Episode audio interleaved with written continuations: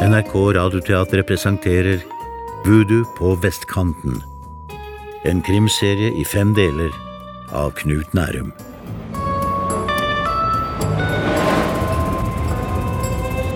Det ser ut som om lokket er sprukket. Ja, det kan skje. Eh, vekta av jorda. Ok. Ja, Da åpner vi lokket. Så hvis jeg bare tar tak her, så kan du ta tak der borte. Å, herregud! Hva er dette? Graven var tom. Mons Gram lå ikke lenger i kisten. Og hans bror Emil var kvalt av en skikkelse med svart jord på hendene. Jeg vil ikke tro at de døde kan stå opp igjen. Gunhild Gram, enken etter Mons, trodde det. Der og da virket det som om hun var nærmere sannheten. Og Njål Gram var fortsatt savnet. Femte og siste del System i galskapen.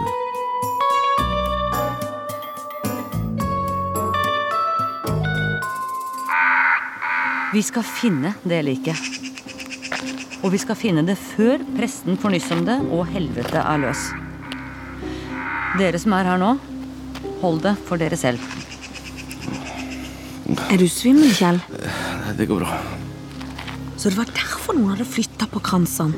For å åpne grava og fylle den igjen? Kjell, eh, ta armen min. Ja vel. Sett deg her, du. Oi, oi, oi. Men det er merkelig Hva da? Mhm. at hele kroppen er forsvunnet. Jeg hadde regnet med at hvis noe skulle være borte, så ville det holde med hodet. Nei, det går bra. Det er han. Det er Elisabeth Hoffpil.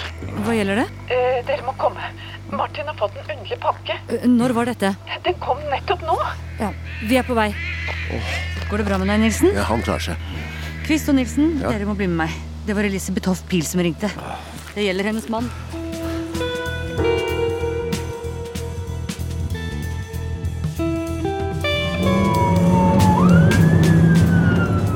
Ingen har fortalt noen av de pårørende om graven går ut fra.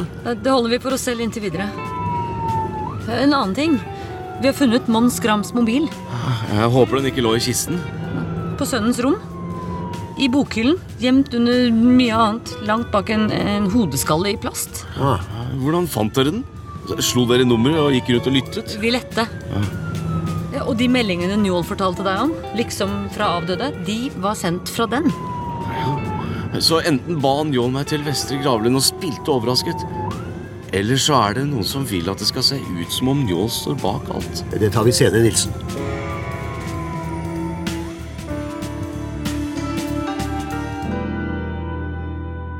Kaffe? Eh, takk, vi skal ikke ha noe. Jeg tar gjerne en kopp. Eh, Espresso? Ja takk. Dere må bare røke. Nei, vi skal ikke ha det her. Unnskyld. Eh, Sara, hun er ikke her? Hun er i byen ja vel? på en forelesning. Hun har ingenting med dette å gjøre. Er det den? Dukken er på størrelse med en åpen hånd. Den ligner et lite fugleskremsel med lang kropp og korte lemmer, kledd i blå bukse og rødrutete trøye. Hår av stiv hyssing stikker opp av hodebunnen. Øyne og munn er påsydd med rød tråd. Et grått tøystykke er festet til brystet med en nål. Ja, jeg kjenner igjen det stoffet. Det kommer fra frakken min. Jeg tar meg til brystlommen hvor jeg har lagt den lille talismanen Gunhild Gram ga meg. Til beskyttelse mot mørke makter. Ah, Så sist fredag eh, noen fulgte etter deg i tåken og klippet en flik av frakken din? Kan denne dukken komme fra fru Grams samling? Elisabeth, har du sett en sånn hos Gunhild? Ja, I redselskabinettet? Nei. Nei, altså Ja, så er det beskjeden. Hvit lapp. Fire ord skrevet i blokkbokstaver med blå kulepenn. Your time has come. Har dere tatt vare på innpakningen? Ja. Her. Takk. En av postens polstrede poser. Martins navn og adresse skrevet med skjelvende blokkbokstaver. Vet du om noen som kan ha sendt deg noe sånt? Ja, vår karibiske venn Toussaint. Aha. Hvem vet om dukken? Før dere, bare vi tre. Ja, og han som sendte den. Kjell, kaffen din. Ah, takk. Solitude er jo faen meg fra Haiti. Ja, For alt jeg vet, er hun innblandet. Elisabeth, nå som vi er her, vil Kvist og jeg gjerne slå av en prat med deg. Ja, Hvorfor det? Hvis du ikke har noe imot det. Dette går nok mer inn på Elisabeth enn meg, så jeg blir med. Eh, Martin, jeg har noen spørsmål til deg. Så lar vi Oberon og Kjell snakke med Elisabeth i enerom. Fint. Ja vel? Eh, Det går bra. Ja, da sier vi det. Men vi vet jo hvem som sendte meg denne. Jeg håper det ikke er noe tvil om det.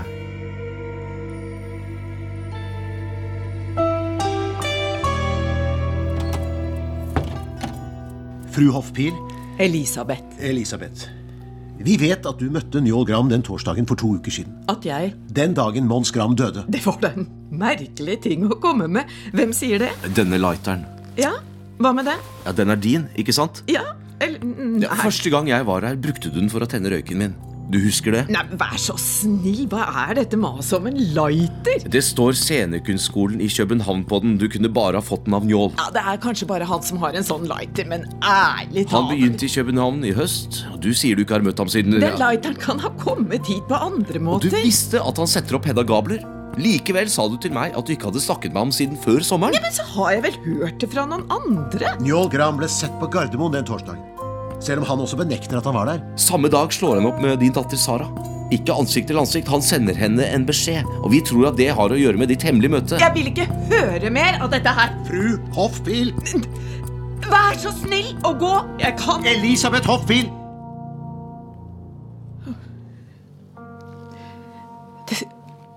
Det skulle aldri ha gått så langt. Nei, Jeg merket det i august.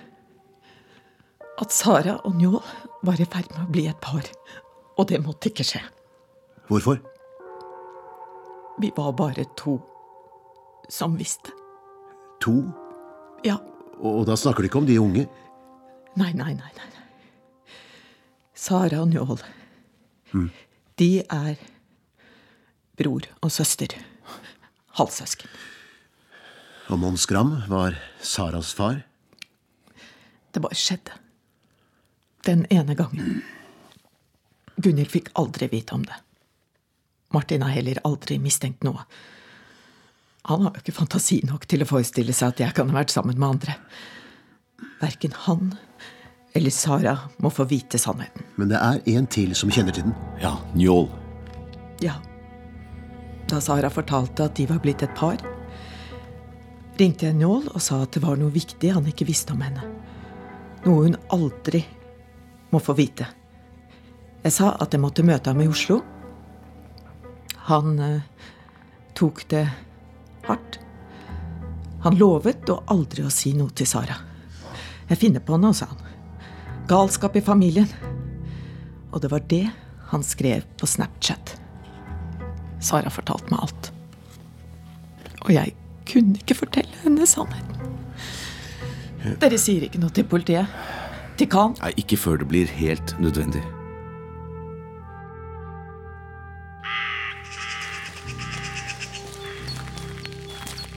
Det er derfor det ikke fins et eneste minne fra Haiti-huset. Det ville bare vært en påminnelse. Hver gang hun ser datteren, blir hun påminnet om at hun har bedratt sin mann. Heldigvis for Elisabeth så har Sara arvet hennes utseende. Kanskje det ville vært bedre om alt hadde kommet for en dag. Jeg er tilhenger av hemmeligheter. Ibsen har skrevet et titall stykker om de tragiske følgene av å snakke ut. Ja, Hva tror du om Dukke-Nilsen? Er du virkelig interessert i hva jeg mener? Jeg er nysgjerrig på hvordan en gjennomsnittlig hjerne fungerer. Ja. Ja, men du sa at dukker som skal skade mennesker, ikke er en del av tradisjonell voodoo, eller voodoo. ja, Denne dukken kan være sendt av noen som vil at vi skal tenke på Bodø, Mm. men som selv ikke er fortrolig med det. Ja, men dukken, Ja, er den et varsel eller en trussel? ja Hvis den er en trussel, så må den være en trussel om noe. Nettopp. Men hvis poenget derimot er at noen vil drepe hoffpil, hvorfor varsler de det da på forhånd? For å skremme?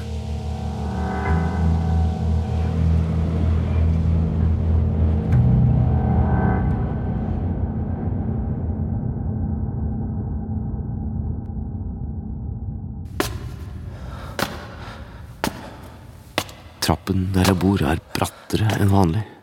Og jeg gleder meg til å bli så gammel at jeg med god samvittighet kan flytte til et sted med heis. Jeg er så sliten at jeg ikke engang har lyst på et glass vin før sengetid. Nei, nei, nei men i all verden ja, Njål? Hei, Kjell. Njål? Hvor, hvor, hvor har du vært? Godt å se deg. Nei, bli med inn. Du vet at onkelen din er død? Onkelen min? Ja. Men jeg traff ham jo bare i leggen. ja det var ikke skuddet som drepte ham. Han ble kvalt. Han er ikke død. Dessverre. Det var jeg som fant ham. Han er ikke død. Ikke ennå.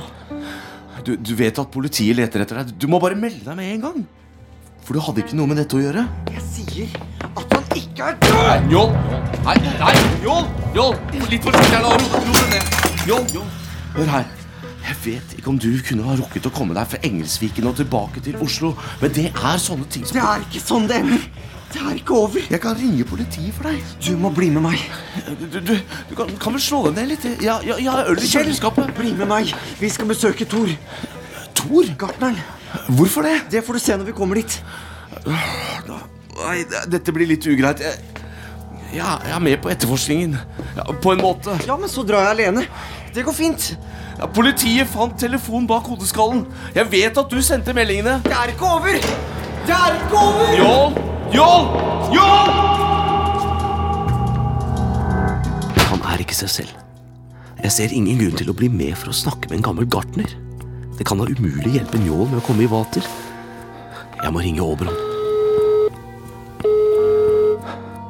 De har kommet til Oberonspist telefonsvarer. Vennligst legg igjen beskjed når de hører pipen. Njål dukket opp hos meg nå. Han virket helt gal, sier at onkelen ikke skulle dø ennå. Så dro han. Eh, eh, Ring meg. Galskapen har tatt helt overhånd. Hvem det enn er som holder sjelen hans i hånd, så.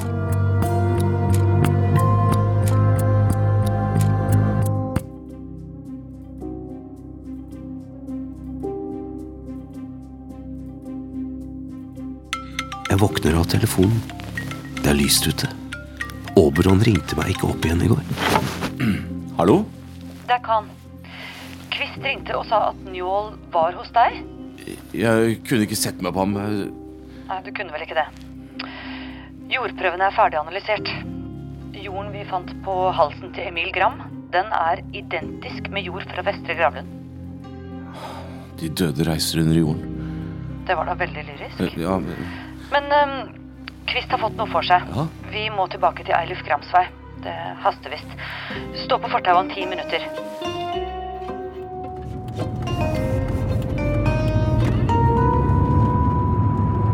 Ingen sirener i dag. Det var jeg som ba om det. Alt jeg vet, er at Oberon har en plan, og da stiller jeg med det han ber om. Takk. Ja, Sånn har jeg det ofte. Men du vet hva dette handler om? ja. Vi setter egentlig aldri i gang en så stor operasjon på så tynt grunnlag. Nei. Men vi stoler på deg, Oberon, selv om du ikke vil fortelle oss hva det gjelder. Jeg håper dere er klar over det. Det er vi klar over. Dere har sett avisene? Ja da. Kaffearving, dop savnet. Ja, De vet ikke at han kom til meg i går. Jeg regner med at det er dine folk vi har bak oss, Kan? Jeg snur meg. Den grønne bilen er dekorert med logoen til et gartneri. Er det et ekte firma? Ekte nok. Og familiegartneren vil ikke forstyrre oss. For Thor jobber bare på torsdager. Vi har sendt en bil hjem til ham, i tilfelle Njål dukker opp der.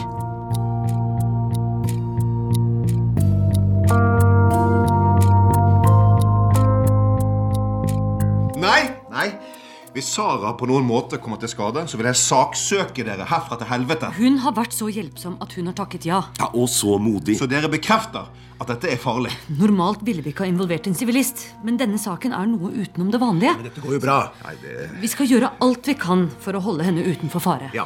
Én ting at de må svare på alt med gang på gang, men nå skal dere tydeligvis ha oss til å delta i et skarpt oppdrag. Betjent Akselsen stikker en pistol i beltehylsteret.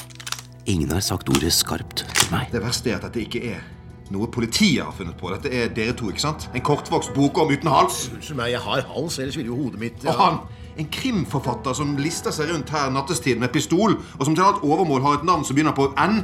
Hvordan kunne du vite det? Kan? Ja, ja, ja, ja, så har vel noen kommet til å nevne det, da. Det tegnet i teppet. Men, men Martin, dette går bra. Vi tar det hele og fulle ansvar. Det er min datter dere bruker som lokkedue. Det er i orden. Hun stiger ned trappen som en ballets dronning i hvit og grønn treningsdrakt. En veske med Heming-logo dasker mot hoften. Sara, Overbetjent. Kvist. God dag. Hei, Kjell. Hei. Og så lokkedue? Hva er det hun skal lokke? Vent og se nå. Og jeg som har trodd at hun forsøkte å drive Njål fra forstanden. At hun kunne være morderen. Er du klar? Klar.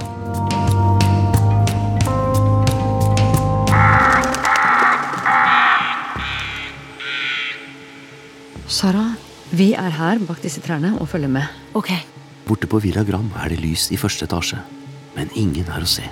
Verken utenfor eller i vinduene. Nå må du gå inn hovedinngangen, og så fort du er ute på terrassen, har vi full oversikt. Jeg er ikke redd. Ti-ti. Takk, Kjell. Visst. Du er fortsatt sikker på dette? Ja, jeg er sikker, men da må vi være stille. Akselsen hviler på albuene og holder øye med huset i kikkert. De mørke vinduene speiler seg i bassenget på terrassen. Khan setter på seg hodetelefoner og mikrofonbøyle. En maur kravler over hånden min. Eh, Martin? Altså, Hvordan visste han om enden? Vi spurte ham Dere spurte ham? om hva Emil Gram kunne ha ment med tegnet. Og hva svarte han til det? Ingenting. Sa dere eh, også at det kan være en sett? Nei. Hvor er de andre? Nilsen og Khan, kan vi være litt stille? Ja. Eh, Vi har tre mann på motsatt side av terrassen, i buskene nedenfor, og en fjerde inne i huset. Han melder at eh, før Sara gikk inn, har han bare registrert Gunhild Gram og Solitude. Hvorfor måtte folkene dine kles ut som, eh, som gartnere hvis de likevel skal gjemme seg? I tilfelle porten blir overvåket. En bil full av norske håndverkere? Det er ikke mange som går på den. Der kommer hun. Glassdøren mot terrassen svinger opp. Sara er iført gul badedrakt og bærer et sort håndkle. Håret er samlet i hestehale. Hun går bort etter kanten av bassenget til en badestige, slenger håndkleet fra seg, klatrer baklengs nedi og legger på svøm. Jeg har alltid misunt folk som kan kråle. Der borte. Ved husveggen. Hvem er det? Ikke en av våre. Sara kan ikke se ham ennå. Skikkelsen bærer et redskap med langt skaft og drar på det ene benet. Dette er Khan til alle poster. Vi har observasjon. En person på vei langs østveggen mot bassenget. Alle klare for å gå inn. Bekreft. Er det Thor? Jeg kjenner en lua og den blå overhold. Gartneren? Ja. Shit. Jeg syns du sa at han bare jobber på torsdager. Ja. Nei, de går ikke inn. Khan til alle poster. Avbryt. Det er bare gartneren. Følg med og vent.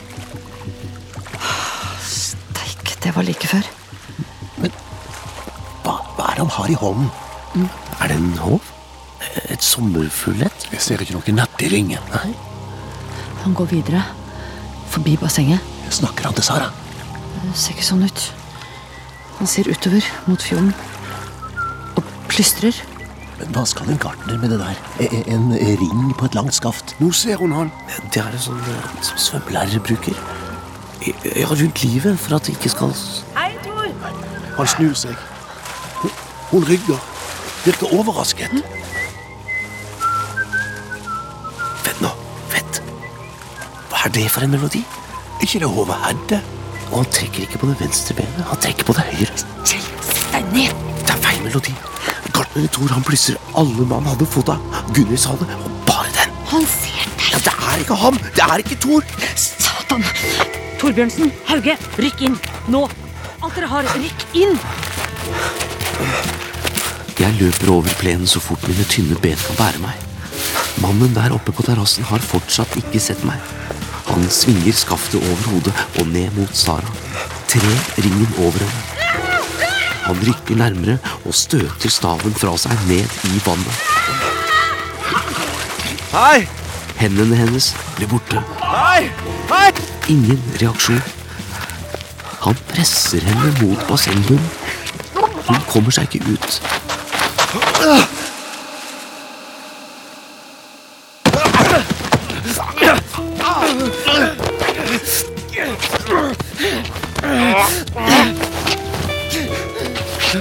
Ligg stille! Det er politiet! Ligg stille! Sara! Sara! Vi har han! Sara, jeg kommer!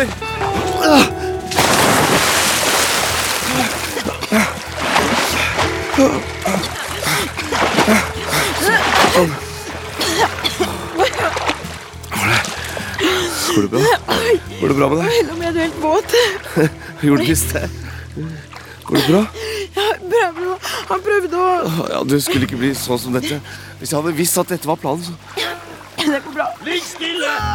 Jeg kommer til å skripse deg. Sara. Sara. Se her. Ta hånden min.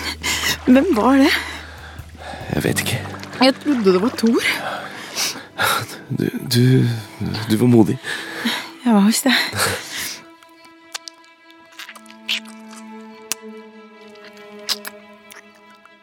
Oi. Du, kom, så går vi opp. Du må få på deg noe tørt.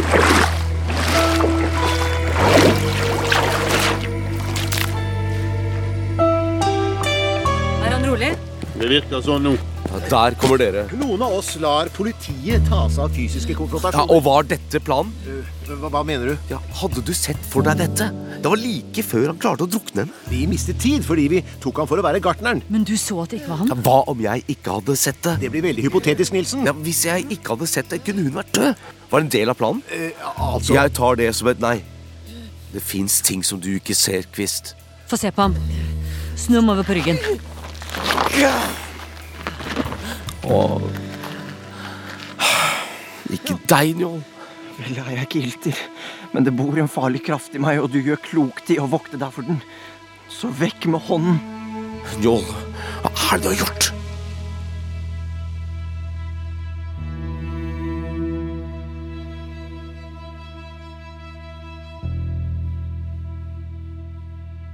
Vil dere ha noe å drikke? Nei takk, Nei, Gunhild. Nei, Men tusen takk for at vi får være her. Mm. Ja. Skulle bare mangle. Solitude stryker som en skygge langs veggen. Hun ser meg i øynene. Et blikk fullt av sorg og skuffelse. Elisabeth kom og hentet Sara. Stakkars jente. Og stakkars Njol. Ja, Hvis jeg bare hadde visst Det er ikke noe du kunne ha gjort. Nei, Alt tyder på sykdom. Vi kommer til å behandle ham deretter. Tenk om jeg kunne ha gjort noe. Hvis jeg bare hadde vært mer åpen om hva jeg gjorde. Jeg ville bare beskytte alle. Du gjorde alt du kunne. Jeg har aldri vært så alene. Nå har jeg mistet det jeg hadde å miste. Men hvorfor? Kjell, k- kan du si meg det? Kvist, kanskje du kan forklare? Hva? K- Kan du det, Aberon? Hva er dette for slags galskap? Although this be madness, yet there's method to it. Sy- Mm. Systemet i galskapen? Shakespeare. Endelig. Eh, Fru Gram, Gunhild, det jeg skal si vil være dels overraskende og dels svært ubehagelig. Særlig for deg, så jeg tåler sannheten. Det har vært altfor lite av den her. Godt. Det vi har vært vitne til, er en oppsetning av Hamlet. Nei. Hodeskall. Iscenesatt av én person, Njål Gram. For et publikum på én. Kun ham selv. Har han spilt teater for oss? Teater? Og vi har vært altfor opptatt av heksekunster til å se det. Alt har vært skuespill. Han har klart å få alle rundt ham til å spille sine roller til fullkommenhet. Uten at de visste det. Men har han vært dette bevisst? Var det derfor han forsøkte å drukne Sara? Fordi hun var hans Ofelia? La meg ta det forfra. Det hele begynner i august. Da han og Sara blir ja, kjærester. Ja, ja takk. Kjell, du må gjerne supplere. Har de vært kjærester? Og så har han ikke sagt noe til meg. Nå, nå, nå skjønner jeg ingenting. De lekte sammen som barn. Ja. Så gikk de hver sin vei som ungdommer. Nå som voksne finner de hverandre igjen, men de sier ikke noe til foreldrene. Men hvordan vet dere dette? Nå, nå finner dere på. Nei. Dessverre. Ja, de er usikre på om forholdet vil vare, og de skammer seg for å måtte gi foreldrene rett. Ja, De som alltid ertet Sara og Njål da de var små, med at de kom til å gifte seg. Kjære vene, det var jo bare en spøk. Derfor lar de forholdet være hemmelig. Så reiser han til Danmark for Mhm. å studere. Og de fortsetter å holde kontakten på sosiale medier. Mm. Men Sara kan ikke dy seg. Hun forteller sin mor at hun har falt for Njål. Moren lover å ikke si det videre, men hun vet at hun må sette en stopper for forholdet. De kan ikke være sammen. De er bror og søster. Hva? Det, hva? Ja, det stemmer. Mons Gram var far til dem begge. Å nei, å, å herregud. Går det bra med deg? Søsken. Elisabeth har gått her i dette hus, og, og, og Mons har visst om det. Alt sammen. Det har bare vært Hvis jeg hadde visst Å, gud. Å, Guri. nei. Å. Elisabeth, sier ingenting til Sara. Men hun må si det til Njål, så da møtes de i Oslo, og han skjønner at han må gi opp Sara uten å fortelle henne hvorfor. Men de to, Njål og Sara, de, de, har, de har ikke fu- fullbyttet Ifølge Sara har de ikke det. Neste morgen er han tilbake i København og våkner til beskjeden om at faren er død. Stakkars, stakkars Njål. Ja, Fornuften hans, som allerede er frynsete, nå rakner den fullstendig. Åh, men Mons Man tror man kjenner noen hele livet, og så Unnskyld. Så Njål vet ikke hva han gjør. Og i sin galskap tyr han til en kjent metafor. Et mønster. Verdens mest kjente teaterstykke. Hamlet? Ja. Historien om en sønn som mister sin far. Sønnen får beskjed av den døde faren om at han ble myrdet av sin bror. Han blir pålagt å hevne seg på onkelen. Og beskylder moren for å velte seg i synd med morderen. Samtidig støter han fra seg sin kjæreste ved å spille gal. Jeg lyder det kjent? Stakkars gutt. Teater. Hamlet ser spøkelset av sin døde far, som forteller at han ble myrdet, og ber sønnen hevne ham. Ja, Og der, Kjell, kommer du inn i historien. Han inviterte deg og en annen venn til å være der når den døde faren viser seg. Ja, her i form av en tekstmelding. Soldaten Bernardo blir til offiseren Ottar Finnborg. Og du, Kjell, du er hans Horatio. Mannen som skal skrive Hamlets historie. Så det var han som sendte tekstmeldingen til seg selv? Ja, han må ha gått med hendene i lommene.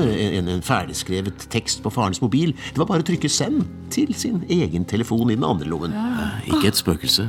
Og farens mobil var satt på lydløs i tilfelle en av dere skulle foreslå å ringe tilbake. Han har tenkt mye til gal å være. Men han kan ikke gjøre dette og samtidig være gal. Han må ha iscenesatt dette. Ja, ja, nettopp. Han har iscenesatt det hele nettopp fordi han er gal. Ja, Men det fins ingen motsetning mellom galskap og organisasjonstalent. Hvis du sier det.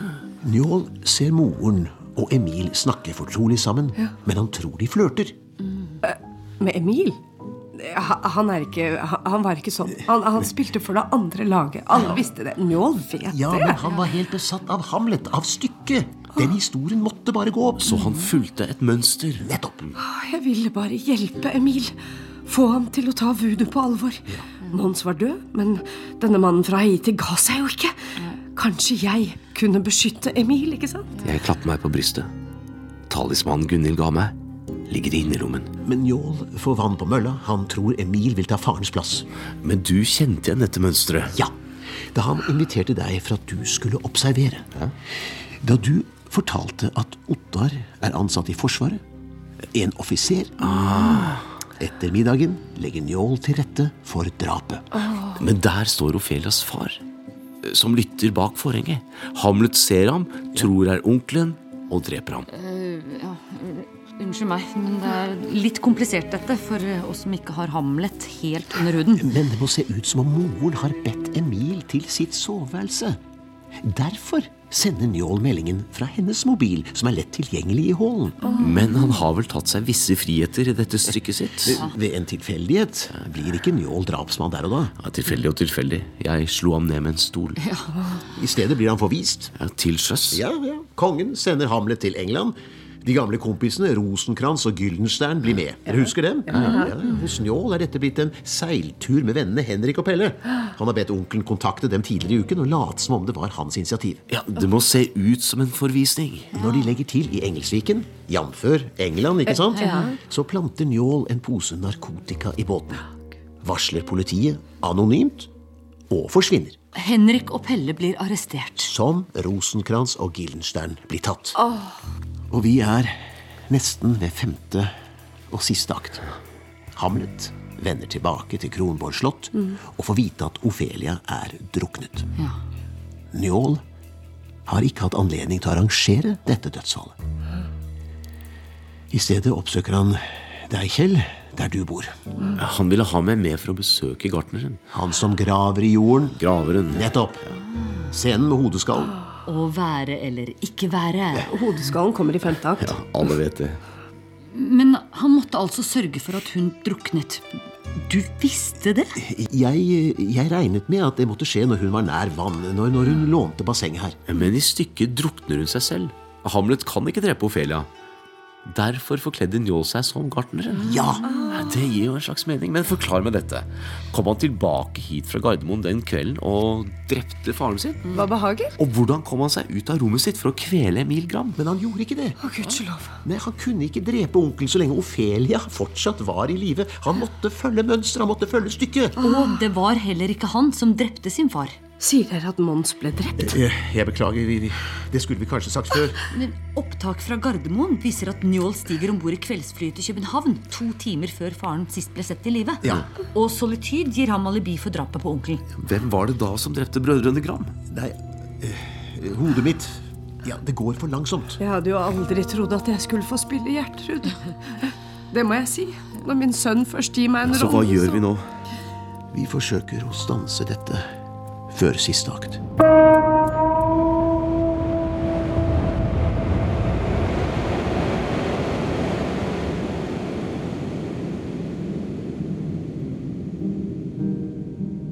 Nettavisene vet ennå ikke om den tomme kisten. Ellers ville de ha skrevet om den. Jeg har bladd igjennom Hamlet og funnet ut at Horatio heldigvis er en av de få som klarer seg. Jeg har ikke sett Sara siden jeg reddet livet hennes. Hei, det er Sara. Jeg kan ikke ta telefonen nå. Ehm, Vi har reist på hytta og kommer til å bli her inntil videre.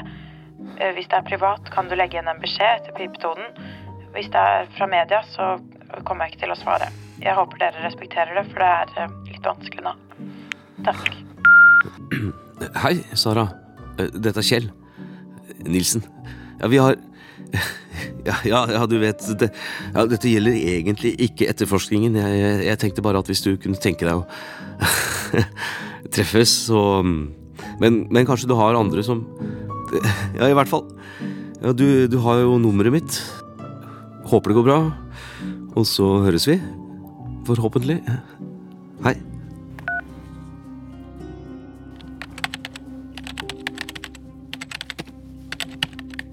To måneder før var Njål og Sara kjærester. Nå hadde han vært en hårsbredd fra å drukne henne. Men saken handlet ikke bare om teater og galskap. Den inneholdt et annet spor. Et spor som førte helt tilbake til Haiti.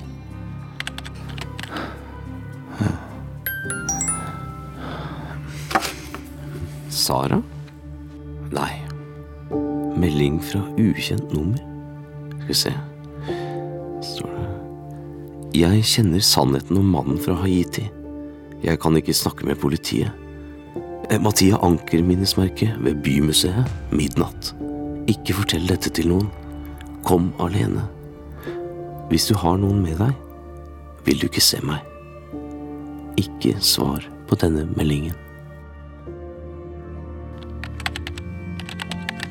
Jeg går inn på 1881 og søker på nummeret. Ukjent. Gule sider. Ingenting.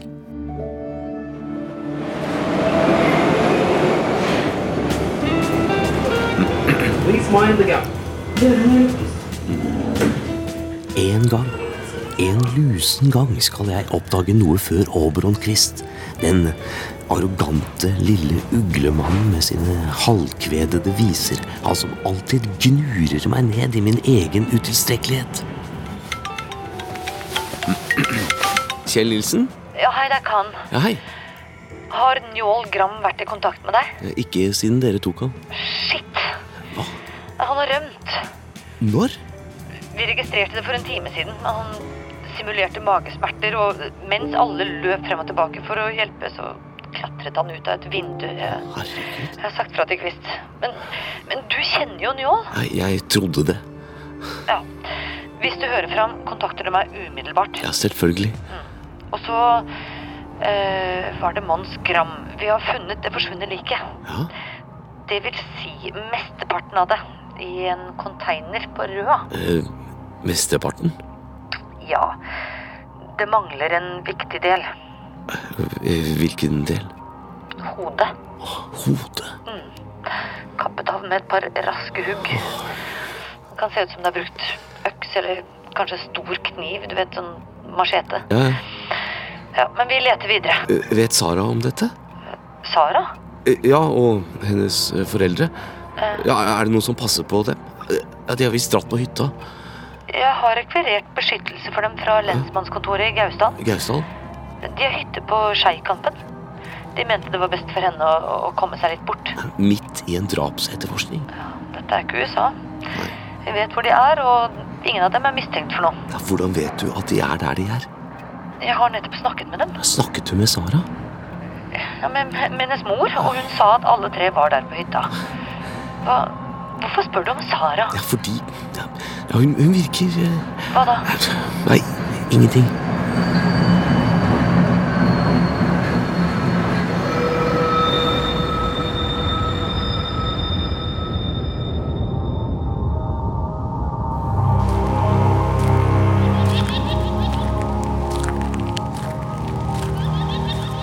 Klokketårnet på den gamle herregården kan så vidt skjelles mot nattehimmelen.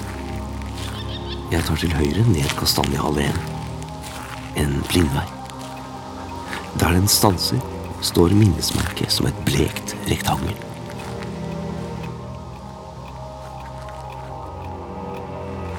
Hallo? Hallo? Det er her. Mathia Anker. Vis og god. Født den 28. mai Ha- Hallo, hallo? Er, er det noen der? Hallo? Å.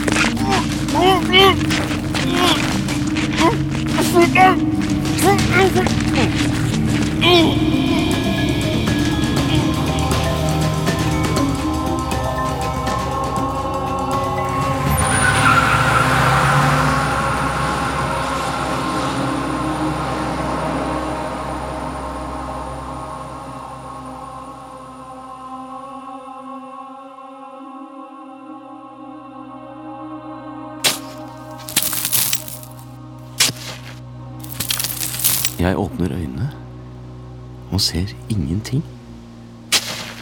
Det lukter lavvann. Noe treffer meg i ansiktet. Det svir. Jeg skulle ønske at jeg fortsatt sov. Jeg ligger i jorden med en ball i hendene. Hei. Hei. Jeg blunker og gnir. Hei. Hei. Litt av synet kommer tilbake. Mørkt her. Lys der oppe. Jeg har noe i fanget. Hva er det? er ikke en ball. Å, fy faen. Å, fy f- Fy faen. Det hvite korset. Krittkorset i pannen. Det jeg holder i hendene, er hodet til Mons Gran. Jeg kjemper meg opp i knestående, får slengt armene over kanten. Mennesket der oppe er bare en silhuett mot det skarpe lyset. Hvem er det? Han slipper spaden og tar frem noe annet. Mindre. Spissere. Politi! Slipp kniven! Skikkelsen slipper ikke kniven. Slipp kniven, eller vi skyter! Han går ned på kne, strammer armen, retter kniven mot meg. Det blinker i stål. Slipp kniven, sa jeg! Et lyn mot brystet mitt. Ah! Spissen går gjennom klærne. Hardt. Et stikk mot brystet.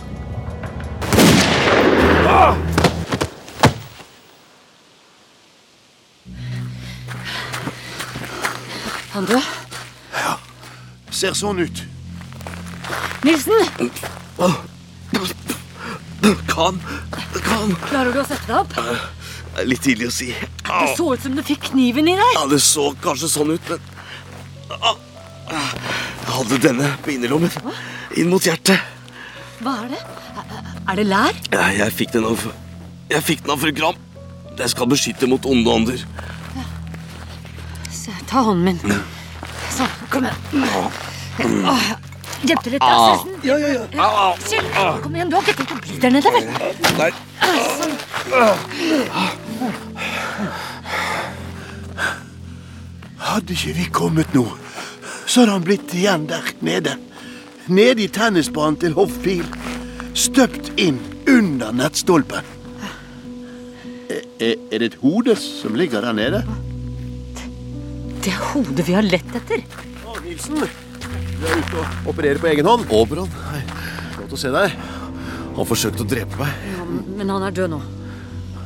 Er det virkelig han det ser ut som? Ja, det er det. Vi burde ha sett det før. Ja, vi burde det.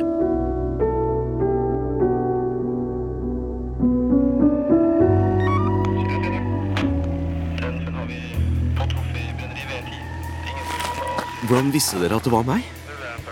Har dere sporet telefonen min? Eh, Fulgte dere etter meg? Hvorfor skulle vi gjøre det? Du er jo ikke mistenkt. I tilfelle Njål kom til meg. Han trengte deg bare som forteller, og den rollen hadde du sagt fra deg. Han var nødt til å fremføre sluttscenen uten deg.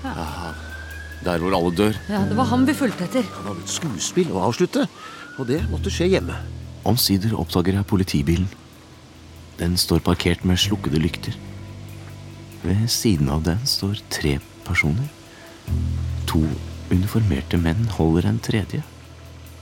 Hodet hans henger som på en filledukke. Er det en jobb? Men onkelen var allerede død. Kårduellen i Hamlet kunne ikke bli noe av. Det var kun moren og ham selv igjen i handlingen. Ja, vi fant ham oppe i Villa Gram med en flaske insektgift i den ene hånden og en lang kniv i den andre. Hamlet dreper ikke moren? Nei, hun, hun drikker giften som er ment for ham. Deretter dør Hamlet fordi han er streifet av en forgiftet kårdespiss. Men hva med fru Gram? Nei, Fru Gram er uskadd. Åh. Vi nådde fram i tide. Horatio. Jeg kunne ikke hjelpe deg, Njål. Eh, Så kjørte vi nedover, og fra veien så vi noe, noe lys fra tennisbanen. Og det, ja, det var rart at det var lys derfra nå.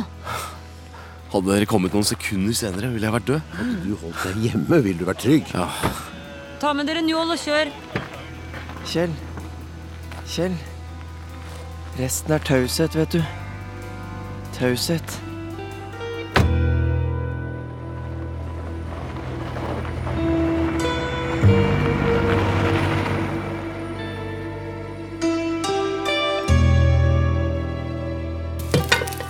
Stekt på begge sider.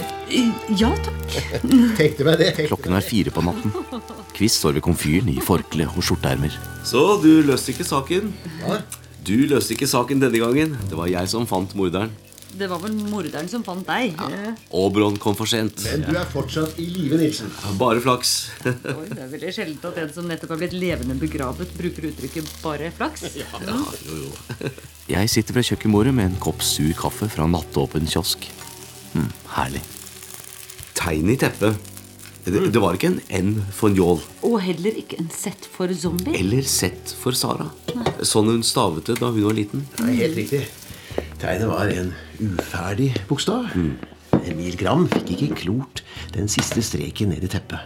Den som ville ha fullført bokstaven M. For Martin. Nemlig. Ja, vær så god. Mm, Takk. Ja. Martin Hoff Pil hadde sett for seg at datteren Sara skulle overta hans verk. Mm. Så viste det seg at Mons Gram var Saras far. Men Elisabeth Hoff Pil fortalte oss at hun ikke hadde sagt det til andre enn Njål. Ja, hun var knust etter å ha måttet fortelle Njål sannheten. Martin har sett på sin kone at noe var galt, og, og tvunget henne til å fortelle. Jo, men hun sa jo til oss. Ja, men, men hun løy. Ja. Ja. Så Martin tar med seg en, en spikerpistol og, og går til Villa Gram. Inn i hallen. Der han møter Emil Gram, som har besøkt sin bror og er på vei hjem. Den gamle mannen sitter oppe, helt alene, forsvarsløs. Martin drar hodet hans bakover, presser munnen hans åpen og skyter en spiker opp i ganen på den gamle mannen. Inn i hjernen. Ja, det var derfor du spurte doktor Klaumann om eh, hun hadde kikket den døde i munnen. Døden ved spikerpistol? altså. Ja, ja, men ikke ukjent. Det skjedde i, i Liuzhou i, i Kina i 2017. Ja, og, og- men i løpet av få sekunder er Mons Gram død. Og det ser ut som om han har sovnet i stolen. Martin går hjem og, og, og legger spikerpistolen tilbake. På feil sted. Altså utstyr som kommer og går, sa polakken. ja. Ja, og så, så legger han seg. Og Elisabeth sier at hun ikke har merket noe. Men hun løy for å beskytte ham. Hun syns hun skylder ham det, siden hun har bedratt ham, tatt fra ham arvingen Sara, som han trodde var hans. Så langt går hun altså at hun beskytter en morder for å gjøre opp for at hun var utro den gangen for lenge siden. Mm. Men altså Så hvorfor tar Martin da sjansen på å grave opp liket igjen? Fordi han er redd. Redd for hva? Njål har brakt en kjent kriminalforfatter inn i saken. Ikke så kjent, da. Han tror du kan avsløre ham, Nilsen. Mm. Derfor må han fjerne alle spor. Spikeren i hodet. Ja, han snakker med polakkene. Dikter antagelig opp en historie om en, om en familiekrangel. Hva vet jeg? Hvem skal ligge begravd hvor? Noe sånt. Mm. De er ikke redde for å få skitne hender, og de trenger, de trenger ekstra penger. Lørdag kveld drar de til Vestre Gravlund, sparer opp graven og fjerner liket. Mm. Så hva, hva skjedde med liket frem til Kjell lå der med hodet i fanget? Nå, nå foregriper du kan. La oss snakke om Emil Gram. Ja vel. Hvorfor drepte han Emil Gram, da? Fordi Emil mente at Martin hadde drept Mons. Ja, Han sa det høyt. Nå gjetter du. Til og med mens du var til stede. I middagen. Han snakket om Ibsen Ah. og de gamle gubbene ikke sant, som blir straffet for sine gamle synder. Alt de har holdt hemmelig. Veldig fordekt, da. Ikke fordekt nok. Samtidig er Martin presset fra flere kanter. Polakkene syns de hadde fått for lite. Nå, ja, nå vil de møte ham, Mm. forhandle, natt til søndag. Og Det var derfor Martin ville tidlig hjem fra middagen, og Elisabeth måtte bli med. Mhm. Han er ikke trygg på at hun holder på det som nå er deres hemmelighet. Det som gir ham et motiv for drapet på Mons. Hvis han sier nei til polakkene, risikerer han at de lar liket bli funnet. Mhm, Mm. mhm. Utpå natten går han tilbake til Villa Gram, kobler ut overvåkingskamera, slipper polakkene inn på eiendommen. De har hodet med seg i en sekk hvor, ja, for å vise at de mener alvor. Au. Ja, men det er mye mer praktisk enn å slepe rundt på et helt lik. Nå, litt mer å drikke, kanskje. Ja, takk. Gjerne. Ja. Mm. Så Martin gir dem det beløpet de ber om, og sender dem av sted. Hodet gjemmer han for å begrave senere. Han tar en jakke og et par kraftige støvler av polakkene, går til Emil Grams villa og kveler ham. Ja. Med hanskene som en av polakkene hadde brukt da de gravde opp liket. Deretter går han tilbake til Villa Gram, der døren aldri er låst, og slår overvåkingskamera på igjen. Men han fikk oss til å tro at han selv hadde blitt utsatt for voodoo-trusler. Men, men den dukken Ja, Som han selv sto bak. Ja, Martin sa at noen hadde skåret et stykke av frakken hans den fredagen. og, og dukken må ha blitt postlagt før helgen. Visste han allerede da at han kom til å myrde Emil Gram? Han visste i hvert fall at det kunne være tjenlig å fremstille seg selv som et offer. Ja. Og at alle ville mistenke Toussaint. Ja. Så i går. Da tar Martin familien med seg ut av byen. Sier det for å skjerme Sara og Elisabeth. Mm. Etterlater dem på hytta og drar tilbake til Oslo for å kvitte seg med den største trusselen. Det må være første gang jeg har utgjort en trussel. Men det det var du som fortalte ham at det var usikkert at Mons Gram døde av naturlige årsaker. Og det var du som ba om en fortrolig samtale med hans kone. Han fryktet at hun ville sprekke. Ja. For ham så det ut som om du kom stadig nærmere sannheten, Nilsen. Ja. Men hva satte deg på sporet? Ja. Jo, Noe Martin sa da han beskyldte deg for å luske omkring på eiendommen med pistol. Det kunne han ikke ha visst, med mindre Nei, med mindre han hadde sett meg. Aha, skyggen i skogen den natten, selvfølgelig. Når skjønte du det? For sent. Hvorfor varslet du ikke politiet og fikk ham arrestert? Nei, jeg, ringte Kam med en gang jeg så det. Ja, og jeg trodde Martin fortsatt var på Skeikampen, som hans kone sa, så sorry. Og der og da hastet det mer å stanse Njål. Ja, ja. Så lenge det ikke var for å gjøre slutten mer spennende. Nei. Nei, det skulle ta seg. Ja. Takk, Aabron. Ja.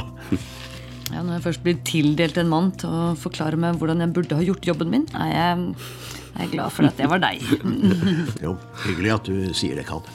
Og jeg hadde ikke klart det uten deg, Kjell. Eh, Hva?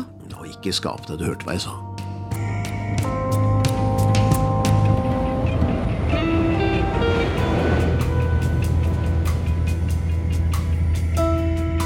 Boken De døde reiser under jorden kom ut høsten etter og fikk god mottagelse.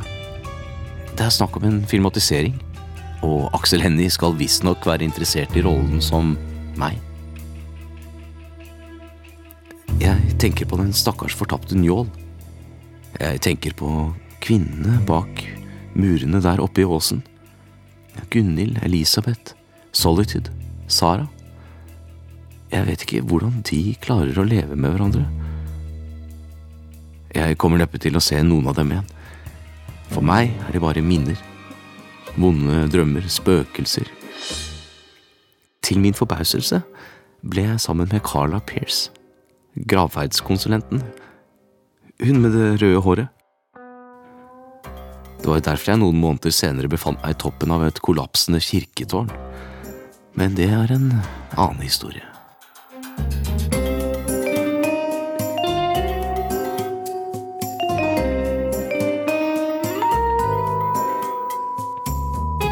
NRK Radioteatret har sendt Voodoo på vestkanten, en kriminalserie i fem deler av Knut Nærum. De som var med i femte og siste del, Kjell Nilsen, Espen Reboli Bjerke, Åbron Quist, Kim Haugen, Njål Gram, Jonas Strand Gravli, Gunhild Gram, Ulrikke Døvigen, Martin Hoff Pil, Kyrre Haugen Sydnes, Elisabeth Hoff Pil, Ingjerd Egeberg, Sara Hoff Pil, Katrine Thorborg Johansen, Naima Khan, Jannike Kruse, politibetjent Akselsen, Trond Høvik og Carla Pers, Janne Formoe. Dramaturg Mathias Kallmeier. Manusbearbeidelse Arne Barka og Else Barrat Due. Komponist Marius Christiansen. Produsent Øystein Kjennerud. Lyddesign Arne Barka og regi Else Barrat Due.